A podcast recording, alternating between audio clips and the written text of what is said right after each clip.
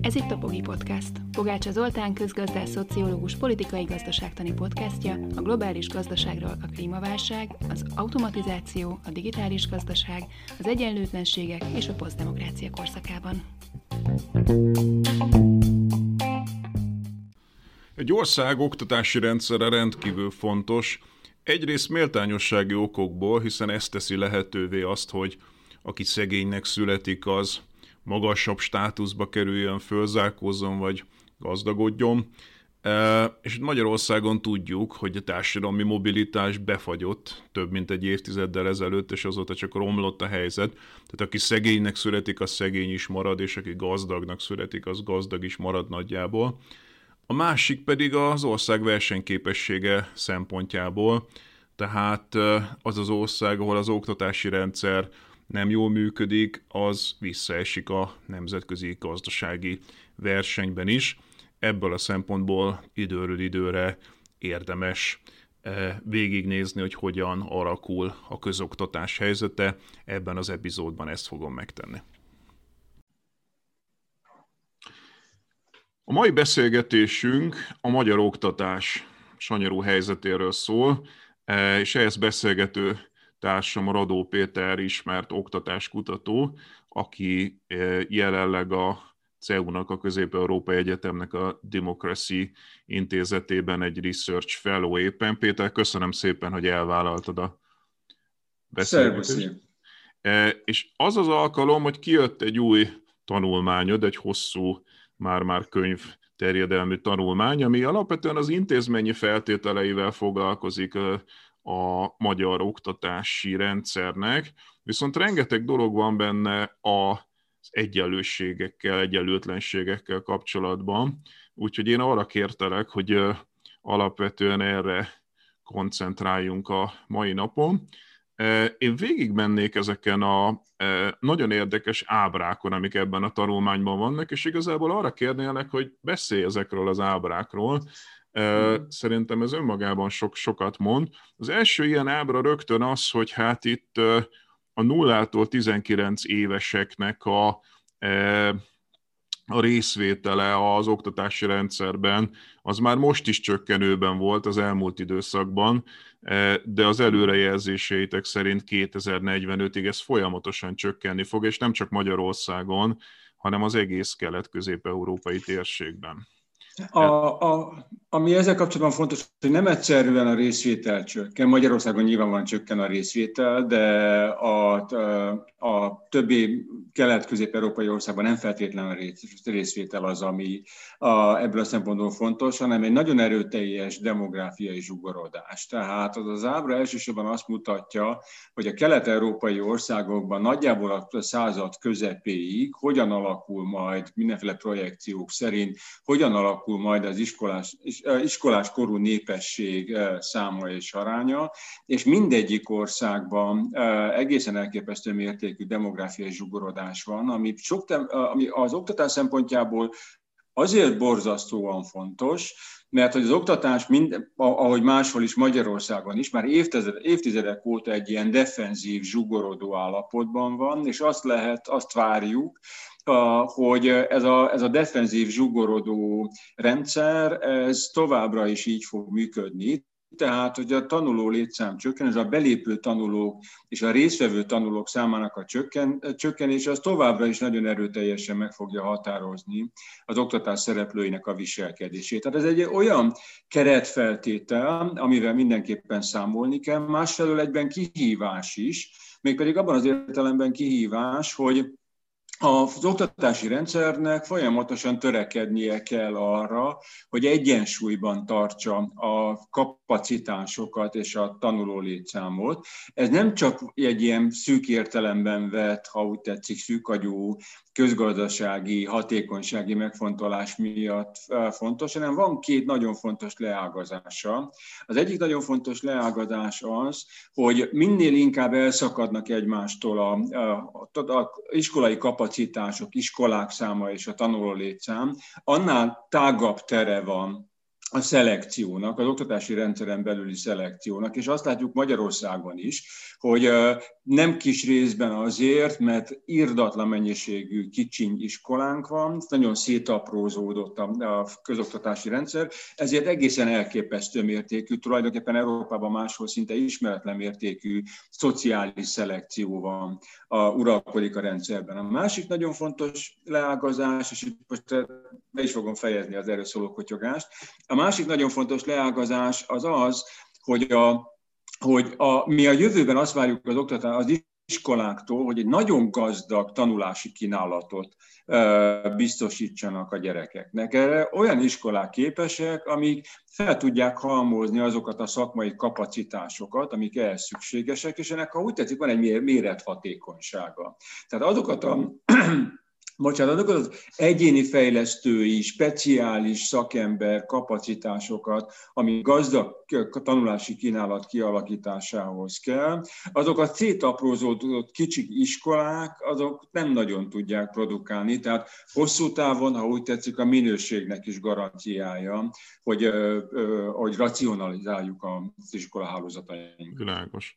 Aztán itt a következő nagyon megdöbbentő ábra e, az a jövedelmi egyenlőtlenségek alakulásáról szól, ugye a 2010-es évtized kezdetétől, és hát ugye itt e, azt mutatja, hogy a térség országaiban alapvetően e, javult a helyzet jövedelmi egyenlőtlenségek szempontjából.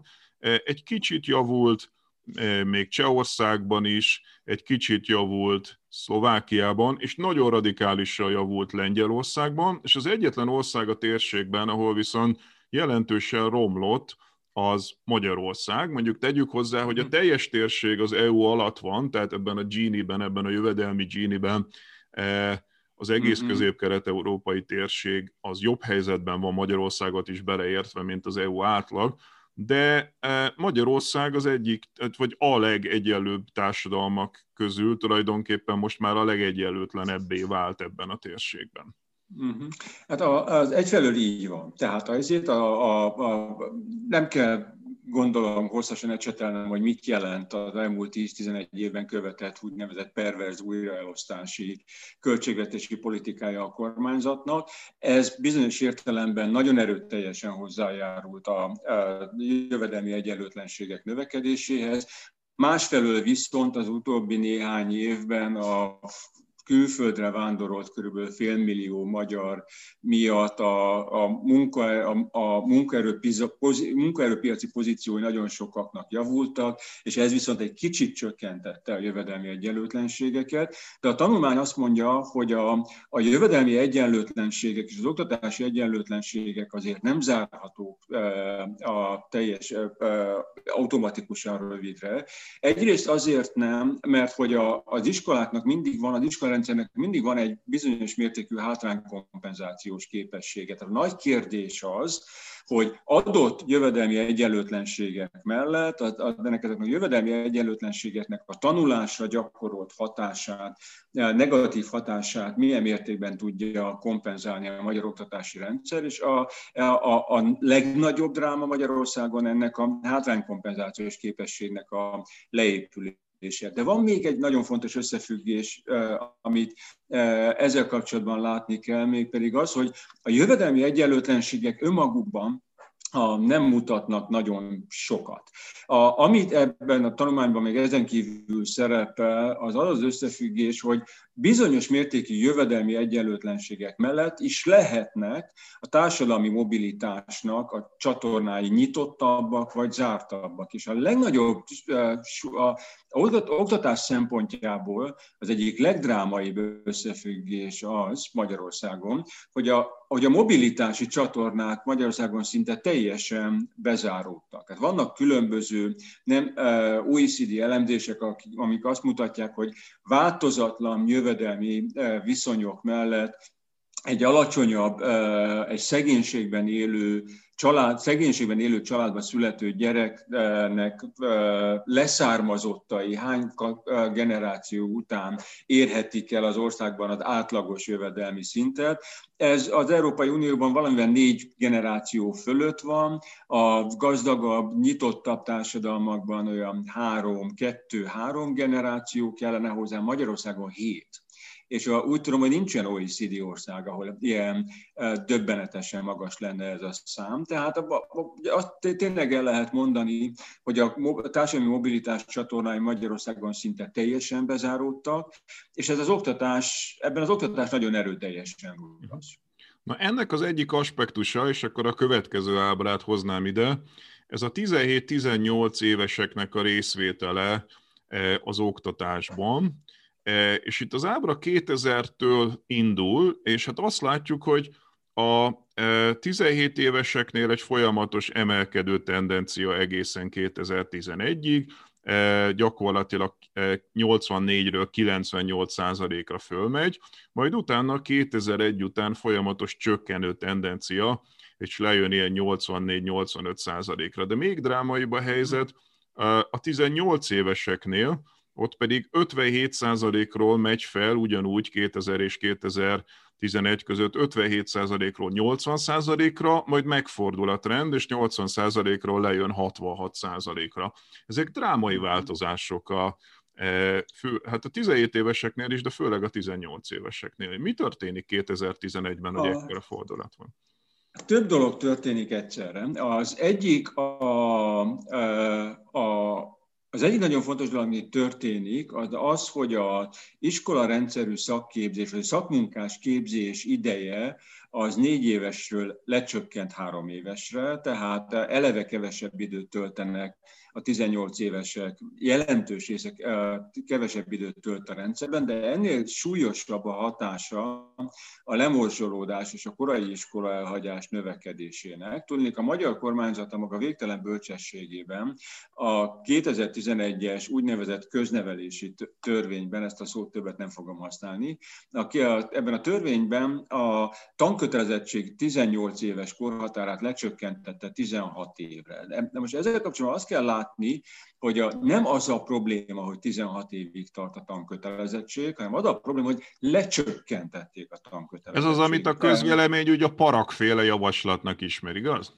Hát a para, nem tudom, hogy kitől erre. Nyilvánvaló, hogy a kommunikációja az elsősorban a parakhoz kötődik, de hát itt más erős, akkoriban más erős, ma már a nevükre sem emlékszünk, de akkoriban más erős oktatási szereplők is harcoltak ezért, vagy kiálltak emellett. A önmagában a tankötelezettség leszállítása az nem lenne érdekes, de az, hogy ez kombinálódott egy nagyrakás más eszközzel, ez összességében azt az üzenetet juttatta az iskoláknak, hogyha egy gyerekkel probléma van, akkor 16 éves kor után ki lehet lökni a gyerekeket az iskolából, és az iskolák jelentős része élt is ezzel a helyzettel. Tudnék, nem csak az történt, mint jeleztem, hogy lecsökkentették a tankötelezettséget, hanem átalakították a finanszírozási rendszert is. Magyarországon 1991 eh, óta egy átlátható, tulajdonképpen high-tech eh, normatív finanszírozási rendszer, formula alapú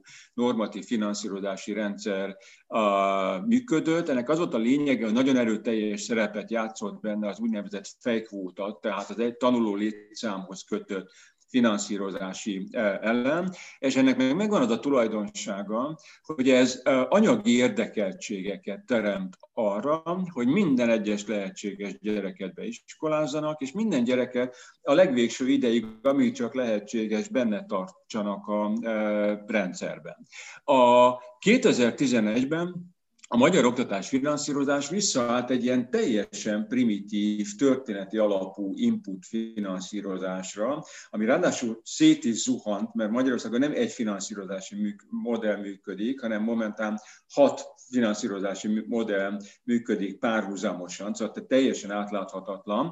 De a lényeg az, hogy ez a bizonyos pénzügyi ösztönző, ez megszűnt a közoktatásban, tehát a pénzügyi ösztönző megszüntetése és a tankötelezettség leszállítása együtt, együttesen egy egészen drámai tanulói részvétel csökkenést eredményezett, amiben az a fontos, hogy ez pont ellentétes azzal, ami a fejlett országok oktatási rendszerében zajlik. Ma, ma már nem véletlenül az Európai Unió is a korai iskola elhagyónak tekint minden olyan 18 éves tanulót, vagy fiatal, aki befejezett teljes értékű középfokú végzettség nélkül lép ki a rendszerből. Ez az, egy, az EU oktatáspolitikájának az egyik fő célindikátora, hogy, ezt a, hogy a korai iskola elhagyást visszaszorítsa.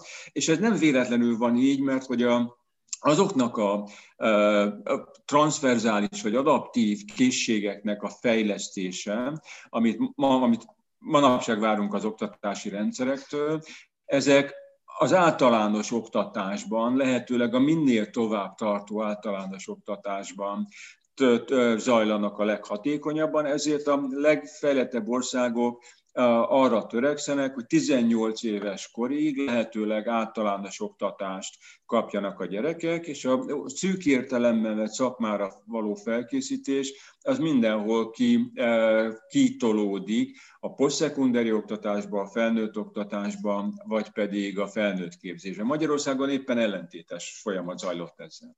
Uh-huh.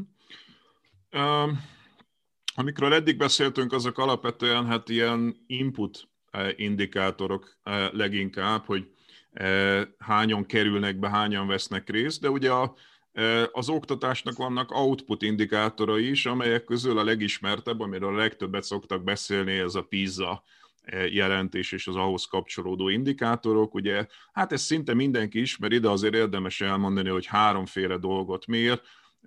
Ez az olvasási készség, ugye talán a literacy így lehet fordítani, mhm. matematika és a tudomány, most már ez egy átfogóbb e, e, ilyen kategória, és hát az ábra, amit itt a tanulmányodban hozol, ugye volt egy 2003-as, 2006-os, 2009-es, 12-es, 15-ös és 18-as mérések vannak, és hát mind a három kategóriában az látszik, hogy 2003, 2006, 2009 között nagyjából stabil volt Magyarország, e, és ott valahol 2012 között körül van egy, egy drámai zuhanás.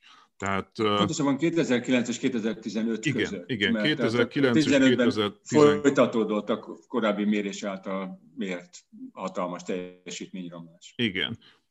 És és azt szeretném kérdezni ezzel kapcsolatban, ugye, hát itt mondhatnék számokat, de alapvetően egy ilyen beszélgetésben a, a PISA számok nem nagyon mondanak semmit, bárki meg tudja nézni a mhm. tanulmányodban, amit majd linkelni fogunk, hanem hogy önmagában idősorosan, aztán majd megnézzük más országokhoz képest is, de hogy idősorosan, mhm. ha, ha 2009 és 12 között van egy zuhanás, az ha jól gondolom, hogy ez 15 éves diákoknak a teljesítményét méri. Ugyan. Tehát ez azt hm. jelenti, hogy ott azt a tudást az előző évtizedekben szedték, vagy nem szedték össze. Azt méri, hogy a, a, a korábbi időszakokban milyen tudást tudtak összeszedni? A, érdemes elválasztani egymástól a 2012-es és a 2015-ös mérés. Ezek a PISA mérések, ezek három évente vannak. A 2012-es mérés a, nagyon erőteljes romlásában két dolog játszódott össze, vagy, vagy ötvöződött. Az egyik az, hogy a, a 2008-as válság hatására Magyarországon ugrásszerűen megnőtt az úgynevezett szegénység kockázatának kitett magyarán szegény családokban élő gyerekek aránya, és a, az volt a helyzet nagyon régóta visszamenőleg, ez jól nyomon követhető az adatokon, hogy amilyen mértékben javul a szegénység kockázat, a szegénységben élő gyerekek aránya olyan mértékben javulnak a teljesítmények, és vice versa. Tehát, hogyha megnő a szegénység kockázatának kitett gyerekek aránya, akkor a közoktatásban elkezdenek romlani a teljesítmények. Ez azért van, mert Magyarország azon kevés országok közé tartozik, ahol a családi háttér és a, és a tanulá, miért tanulási teljesítmények között egészen brutálisan erős kapcsolat van.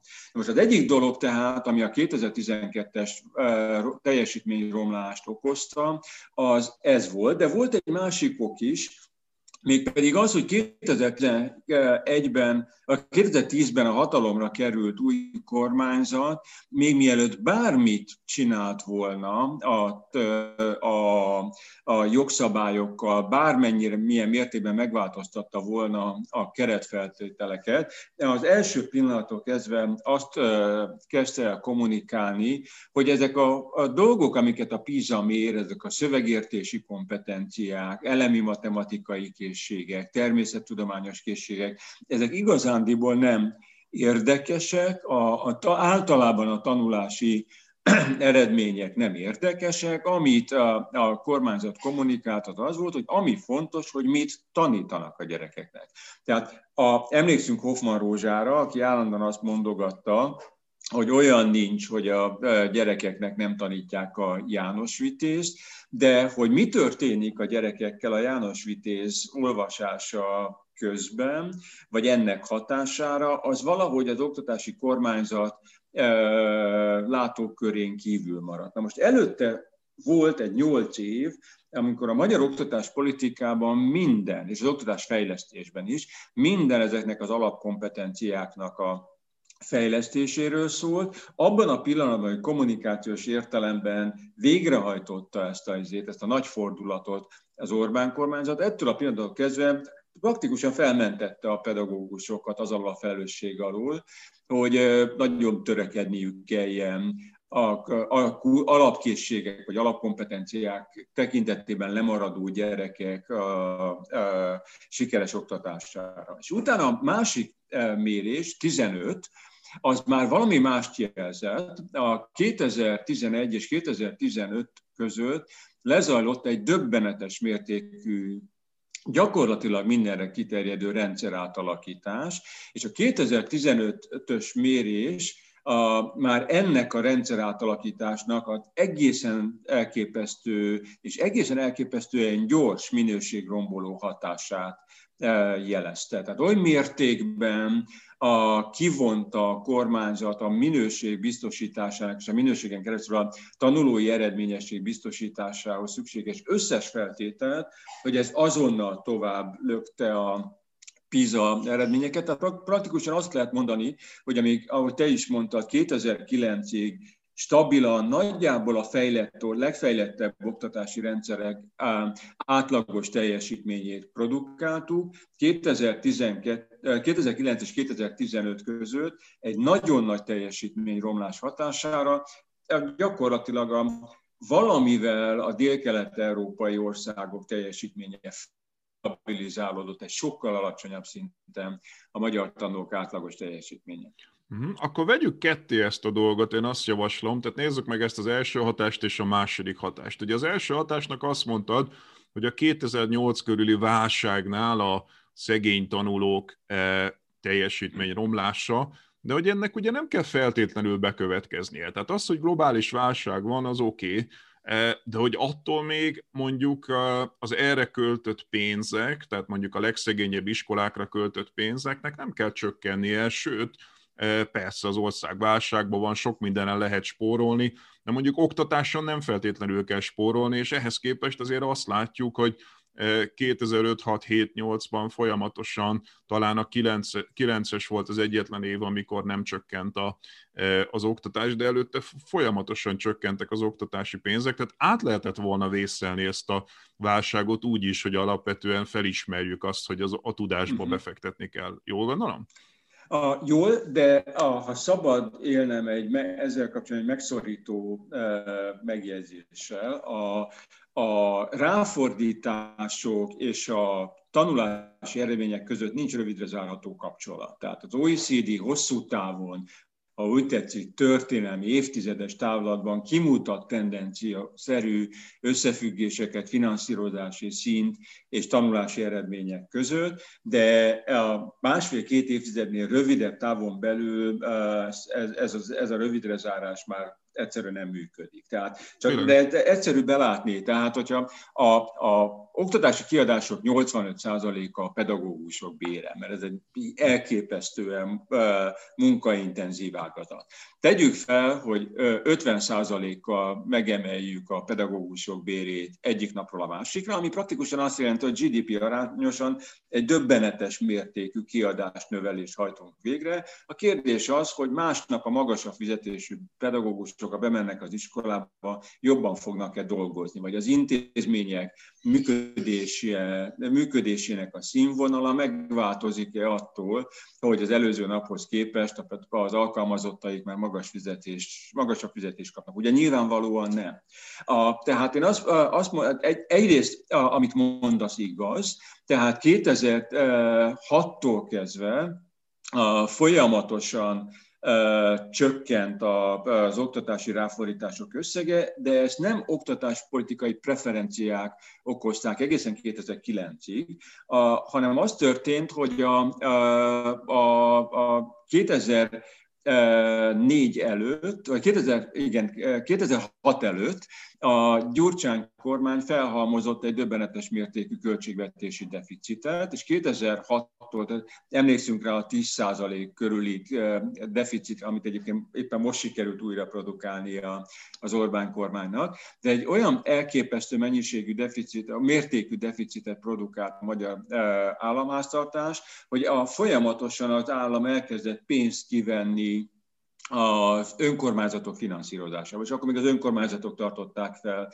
működtették az iskolákat. Ez az önkormányzati pénzkivonás, ez azt jelentette, hogy az önkormányzatok jelentős része megpróbálta folyó kiadásait hitelekkel eh, fedezni, tehát a pedagógusok mindig megkapták a bérüket, és mint mondtam, a pedagógusok bére a legnagyobb kiadási tétel a, a magyar közoktatásban. A pedagógusok mindig megkapták a bérüket, de a folyó, kiadá, folyó oktatási kiadások egy jelentős részét rengeteg önkormányzat már hitelből finanszírozta, mert hogy a költségvetés kihúzódott az oktatás finanszírozásából. Volt ez az általad is említett a 2009-es év, ami egy érdekes dolog volt, mert akkor volt nagyon brutális a GDP visszaesés hatása a magyar állami költségvetés szerkezetére, és ez volt az egyetlen év, amikor nem csökkent Magyarországon GDP, GDP, arány, GDP arányosan az oktatás, de közben a GDP meg zuhant, tehát tulajdonképpen az a GDP, a GDP zuhant, de korábban GDP arányosan csökkent, csökkent utána két GDP, GDP arányosan csökkent, de a bajnai kormány úgy helyezett rá, hogy a, a hogy és ez priori, kormányzati prioritásokat jelez, ha úgy tetszik, úgy helyezett rá, hogy, a, hogy, a, hogy ne, ne vonjon ki több pénzt a vizét a közoktatásból, mint amennyit feltétlenül kellett volna. A, de ez csak egy, egy év volt. Utána jött 2010, ettől kezdve Főleg 2012-2013-ban az Orbán kormányzat pedig egészen elképesztő történelmi mélypontra lökte az oktatás finanszírozás szintjét. Tehát olyan döbbenetes mértékű pénzkivonás történt, amire én hirtelen nem is tudok példát. 3,9 volt az alja, ha jól emlékszem, tehát ilyen 6-ról indultunk a legmagasabb ponton, és 3,9 GDP arányos finanszírozás. Pontosan. A, ez, ez összefüggött az államosítással is, mert hogy a, e, hát a klikkeket szándékosan alul finanszírozta a kormány, tehát a legnagyobb érvágás az 13. január 1 -e volt, amit kezdve a klik telephelye, amióta a klik telephelyeiként működnek Magyarországon az iskolák, nem önálló gazdálkodó intézmények, és olyan mértékű volt a klikkek alul finanszírozása, hogy például az iskolák működési kiadásaira fordított költségvetési támogatások durván a negyedükre eh, csökkentek, és azóta sem emelkedtek. Tehát azóta a GDP arányos eh, kiadások tulajdonképpen javulnak egy ideje, a 2015-16 óta nagyjából, amióta elkezdődött a eh, pedagógus béremelés, ami most hagyjuk, hogy izét, hogy mennyire béremelés és mennyire a, a megnövekedett munkaterhek kompenzálása. De a lényeg az, hogy a, ez a béremelés is elképesztően rossz struktúrában történt, mert hozzákapcsolták a pedagógus életpálya növekedéshez, és a pedagógus életpálya növekedéshez kapcsolt béremelés a pályájuk végén járó pedagógusok egy kis részét jutalmazza, akikből mentortanárok lettek, és akik péntekenként tanítás helyett elkezdtek más iskolákba járni, más pedagógusokat minősíteni és ellenőrizni. De a, a, a kezdő pedagógusok bére az szinte szemernyit sem növekedett, és ez nagyon erőteljesen hozzájárult a az évtized végére a pedagógus hiány kialakulásához, mert a kutya nem megy pedagógusnak, ha azzal az, azt az ígéretet kapja, hogyha elmegy pedagógusnak, akkor egy néhány évtizedig nyomorogni fog, de a pályája vége, vége felé, a nagyjából olyan 50 éves kora fölött nem teljesen kizárt, hogy már majdnem a diplomás átlagfizetés kapja. Szóval ez egy, ez egy döbbenetesen rossz szerkezetű kiadás növekedés volt. Mondtad korábban, hogy a magyar eh, oktatási rendszer teljesítményét nagyon erősen meghatározza a hát a leszakadóknak, vagy a szegényeknek a sorsa. És hát van itt a tanulmányban egy e, index, amit úgy nevezel, vagy úgy nevez a PISA talán, hogy inkluziós index. És az inkluziós index, azt gondolom, ugye azt mutatja, hogy e, milyen arányban képes azt a felzárkóztató hatást az oktatási rendszer e, végezni, amit, amiről beszéltél, és hát ebben az inkluziós indexben Magyarország nagyon rosszul szerepel, tehát büszkén láttam, 2018-as indexnél büszkén láttam, hogy az általam nagyon szeretett skandináv országok vannak az élen, Norvégia, Finnország, Svédország, Dánia, itt ilyen 91, 87, 86-os indexek vannak, az Európai Uniós átlag az 76, és ehhez képest a magyar az 63, E, tehát radikálisan rosszabb a magyar in, e, inkluziós index az uniós átlagnál is, nem is szólva az éllovasokról. Mit a, mutat ez az a, index a, a, ez, ez, ez, nem egyszerű elmagyarázni, de azért megpróbálom. Tehát a, a, a PISA kétfajta inkluziós indexet használ. Az első az alapinkluziós index, amit nem hozza összefüggésbe a különböző hátterű gyerekek a tanulási teljesítményét a szelekció mértékével, ez kizárólag a szelekciót méri, azt nézi, hogy a, az iskolák teljesítményének a szórását, az milyen mértékben magyarázzák az iskolák közötti teljesítmények és az iskolákon belüli teljesítménykülönbségek. Ugye nyilvánvaló, hogy a minél heterogénebb összetételű egy iskola szociális összetétele, annál inkább az iskolákon belüli különbségek lesznek dominálóak, és erre azt mondhatjuk, hogy ez egy inkább egy integráló oktatási rendszer, hogyha minél inkább a kiskolák közötti különbségek dominálnak, ami az azt jelenti, hogy homogén összetételű iskolák működnek a rendszerben, és ezek a homogén összetételű iskolák között hatalmas különbségek vannak, tehát egy elképesztően szelektív az oktatási rendszer. Ez az inkluziós index, ami a tanulmányban szerepel, az a, ez a bizonyos szociális szelekció mérésére vonatkozó index, és azt jelzi, hogy a magyar közoktatás egyszerűen döbbenetes mértékben szelektív. Ugye azt szokták mondani, hogy az amerikai Egyesült Államoké a világ egyik legszelektivebb a oktatási rendszere, büszkén jelenthetjük, hogy a miénk egy nagyságrendel szelektívebb, mint az amerikai.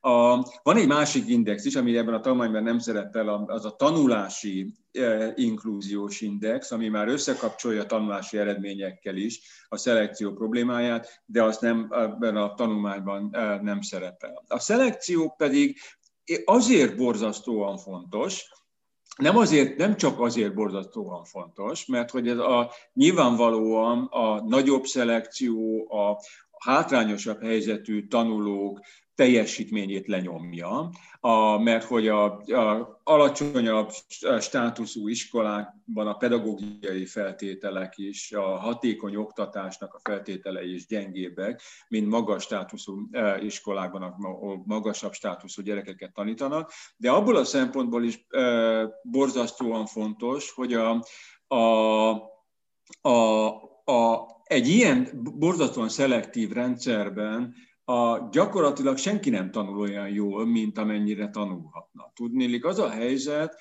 hogy a, a, a, a szociális tér, a tanulás számára biztosított szociális tér sokszínűsége, az javítja a tanulás eredményességét is. Tehát ez, ez kicsit ellentétes azzal, amit intuitív módon gondolnánk, hogyha összezárunk magas státuszú, gyerekek, magas státuszú gyerekeket egy osztályban, akkor azok a közvélekedés szerint jobban fognak tanulni, mint hogy az osztályban van egy csomó alacsonyabb státuszú gyerek is, de nem ez a helyzet. Tehát azt például egyértelműen ki lehet mutatni, hogy a heterogén összetételű iskolákban a pedagógiai hozzáadott érték sokkal magasabb, de nem feltétlenül sokkal magasabb, mert nagyok a különbségek, de szignifikánsabb, magasabb, mint a homogén összetételű. Tehát azt mondod, hogy még a, jó, még, a, még a magas hátterű eh, diákok is jobban tanulnak egy olyan osztályban, ahol vannak rosszabb hátterű emberek? A, igen, pontosan ezt mondom a, vagy másképpen az egész rendszerre lefordítva, minél szelektívabb az oktatási rendszerünk, annál alacsonyabbak az átlagos teljesítmények, de ez az alacsonyabb átlagos teljesítmény sokkal jobban sújtja az alacsonyabb státuszúakat, mint a magas státuszúakat. A, ugye ez világos. Tehát, hogy a, mindenki rosszul jár, csak a hátrányos helyzetűek még rosszabbul jár. Világos. Most akikről eddig beszéltünk, azok a hátrányos helyzetűek, vagy egyszerűbben fogalmazva a szegények, és Janki Bél, a szociológus barátom szokta mindig hangsúlyozni, hogy a legtöbb szegény nem roma, de a legtöbb roma szegény.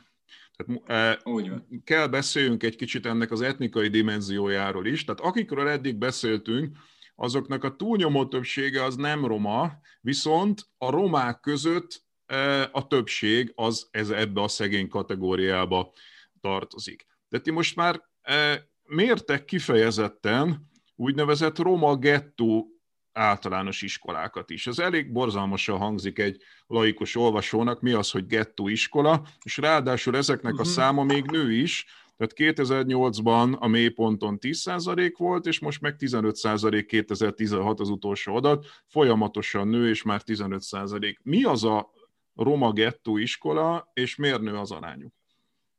A gettó iskola egy nagyon egyszerű mérő, mérőszám, a, azt jelzi, hogy az iskolában többségben vannak a roma tanulók. Tehát 50% plusz egy fő, az gettó iskola. A, ugyebár nyilvánvalóan a roma tanulókat a települések elsőprő döntő többségében nincsenek többségben, ha egy iskolában a többségbe kerülnek, az teljesen egyértelműen egy ilyen egy szegregációs folyamat eredménye hogy legyen, és Magyarországon az, az oktatási rendszerben érvényesülő szegregáció, ahogy te is mondtad, mindenféle mérőszám szerint, és mindenféle index szerint, mert elég meglehetősen sokféle különböző módon lehet ezt dokumentálni, de bármilyen szempontot nézünk, vagy így mérőszámot nézünk, a szegreg, roma tanulók szegregáció ez folyamatosan növekszik. Ami ezzel kapcsolatban fontos, hogy ez elképesztő mértékben összefügg a, azzal a problémával, amiről az előbb beszéltünk, a szociális szelekció problémájával, mert hogy a, a roma tanulók, ahogy idézted Janki Bélát, a roma tanulók nagyon elsőprő nagy többsége szegény családban él, szegény tanuló, ennek megfelelően, ha el, növekszik a szegény tanulók elkülönülése, automatikusan növekszik a roma tanulók elkülönítése. Tehát a, a, a, ez a, ez a, ez a szociális szelekciós folyamat, ez nem feltétlenül aktív elkülönítéssel zajlik, tehát nem arról van szó, rengeteg, noha ilyen is van, mindenre van példa Magyarországon, minden szörnyűségre van példa, de nem feltétlenül az esetek legnagyobb részében nem arról van szó, hogy kikapják a roma gyerekeket, az általános iskolákból is berakják ők, őket csak nekik fenntartott gettóiskolákba, hanem arról van szó,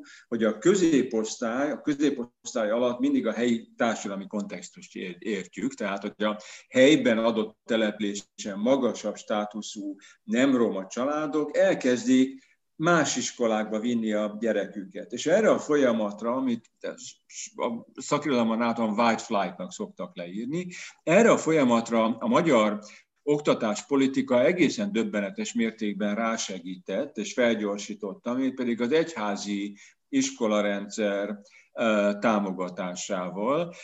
Az történt, hogy azokon a településeken, ahol új egyházi iskola jött létre, már pedig rengeteg ilyen település van. A, ezeken a településeken a magasabb státuszú nem roma tanulókat mind elszívták az egyházi intézmények. Ha úgy tetszik, az egyházi iskola, mivel semmilyen szabály nem köti őket, tehát nem kell iskolakörzetet működtetniük, és azt vesznek fel, akit akarnak, sőt megtehetik, hogy akárkit ne vegyenek fel. Tehát elszívta fel a középosztályi, magasabb státuszú szülők gyerekeit, és azok az iskolák, ahol korábban a roma tanulók aránya volt önkormányzati iskolák, most már állami iskolák, ahol a roma tanulók aránya korábban 15-20-30 százalék volt, hirtelen gettóiskolává váltak, tehát felment az arányuk 50-60-70 százalékra, mert hogy aki nem volt roma és nem volt szegény, az elment az iskolából. A, tulajdonképpen ez az elsődleges oka annak, hogy ilyen mértékben nő a szegregáció Magyarországon. Uh-huh. Akkor még egy utolsó kérdésem lenne, bár még nagyon hosszan tudnálak faggatni eh, erről a tanulmányról, de, eh, de, de azt gondolom, hogy mindennek vége van egyszer. Ennek eh, viszont muszáj, erről viszont muszáj szót ejtsünk, és ez a COVID hatása. Van egy nagyon érdekes ábra a tanulmányban, amit egy Kende Messing féle kutatásból idézel 2020-as, ami a COVID kezelésének a E, a mikéntje Magyarországon, és hát itt ugye e, szintén azt vizsgálták a e, kutatók, hogy a roma tanulók aránya az osztályban, az hogyan határozza meg az, hogy mennyire voltak képesek bekapcsolódni a digitális oktatásba. Ugye emlékszünk arra, hogy 2020 elején hirtelen kellett a digitális oktatásra bekapcsolódni, bár elvileg volt egy, előtte... Egy, egy hétvégén álltak át az iskolát. Gyakorlatilag egy hétvégén, miközben uh-huh. volt erre egy erre kinevezett, hát ha jól emlékszem, államtitkári rangú köztisztviselő, és egy évek óta egy program a digitális uh-huh. oktatásra, tehát elméletileg ennek kellett volna lenni előzménye, de ehhez képest nagyon spontán módon, nagyon gyorsan kellett átállni, és ez szerint a kutatás szerint az derül ki belőle, hogy azokban a osztályokban, ahol a roma tanulók aránya 20% alatt van, ott 84%-a a diákoknak be tudott kapcsolódni a digitális oktatásba, és azokban az osztályokban, ahol 60-tól 100%-ig van a roma tanulók aránya, ott csak 67% tudott bekapcsolódni a digitális oktatásba. Uh-huh. Magyarul kimutatható, hogy a romák, roma származású tanulók hátrányt szenvedtek a Covid alatt. Valószínűleg ez igaz a szegény tanulókra is általában. Pontosan. Már erre adat uh-huh. nincsen a tanulmányodban, de nagy valószínűséggel elmondható, hogy általában a szegény, rosszabb eh, családi háttérről jövő tanulók számára sokkal uh-huh. nagyobb volt a lemorzsolódás a digitális oktatásnál. A, amit a, a, a végén mondtál, teljesen igaz. Ezt a kutatást a Rosa Parks alapítvány csinálta, és az én CEUS kollégáim, Messingvera és Kende Ági bonyolították a kutatást, és ugye minden adatukat megnézzük, akkor nagyjából az látszik, hogy a hátrányos helyzetű régiókban, illetve azokban a régiókban, ahol a nagyon koncentrálódnak a hátrányos helyzetű tanulók, a elképesztő mértékben és mennyiségben maradtak ki, estek ki az oktatásból hátrányos helyzetű tanulók, és a hátrányos helyzetű tanulók lemorzsolódása az online oktatás miatt, az nem volt, a, nagyjából akkora volt, mint a roma tanulók lemorzsolódása. Tehát itt is igaz az az összefüggés, hogy a roma tanulók lemorzsolódása, az, vagy kiesése az oktatásból, a szociális, elsősorban szociális státusz probléma, és nem feltétlenül etnikai probléma. De, de másfelől viszont az is látszik, hogy a digitális, hogy egyenlő oktatási, oktatási egyenlőtlenség szempontjából a digitális oktatásra való átállás az egy kisebb fajta katasztrófa volt, és nem csak azért, mert nagyon sokan nem tudtak bekapcsolódni az oktatásba. Ezek a gyerekek egy, a hosszú távú hatásokat persze még nem ismerjük. De hát ezek a gyerekek, akik márciusban kiestek, ezek legközelebb szeptemberben kerültek megint kapcsolatba az iskolával, tehát gyakorlatilag fél évre elvesztették a kapcsolatukat az oktatással, ami nagyon durva.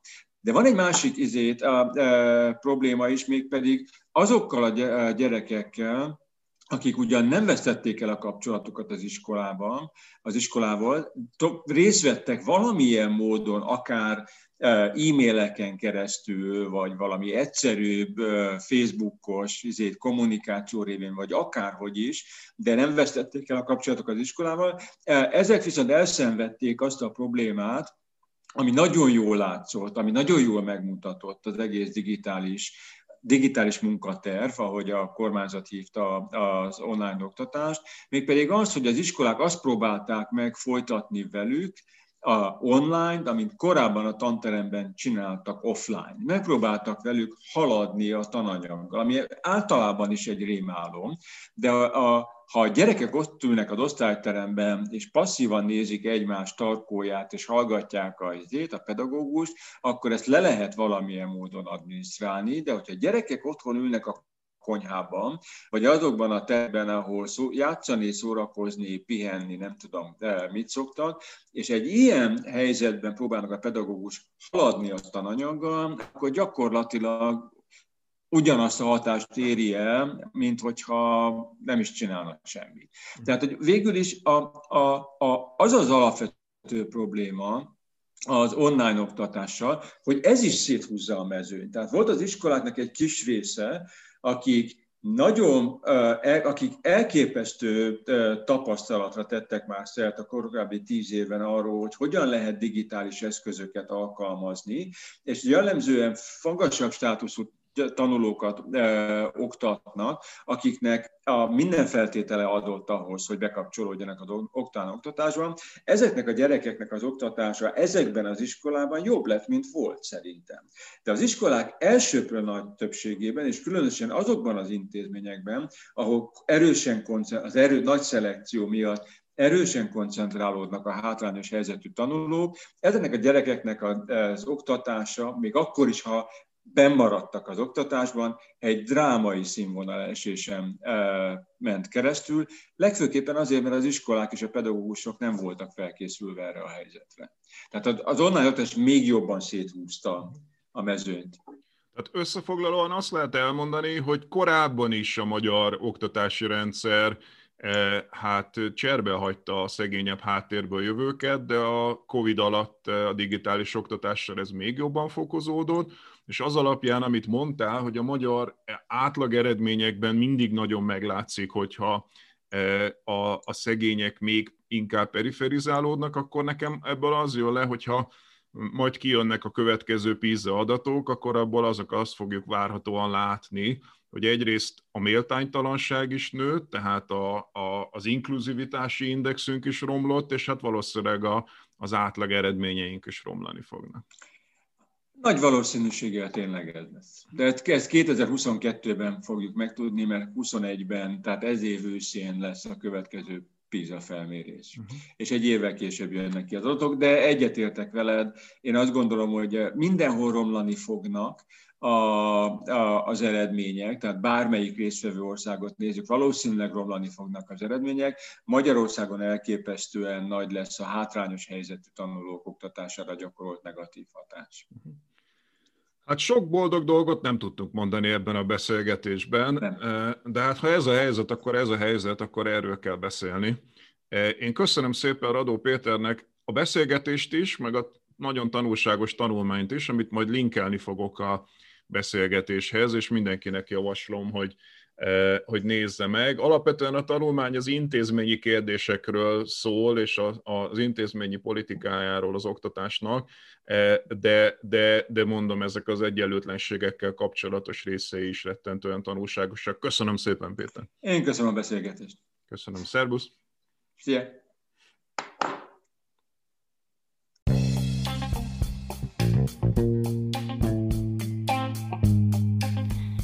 Volt ma a Pogi Podcast. Ha vitába szállnál az elhangzottakkal, vagy témát javasolnál, keresd a Pogi blog oldalt a Facebookon. Ha támogatnád a podcastot, azt a www.patreon.com per Pogi Podcast oldalon teheted meg. Köszönjük! Ez a műsor a Béton közösség tagja.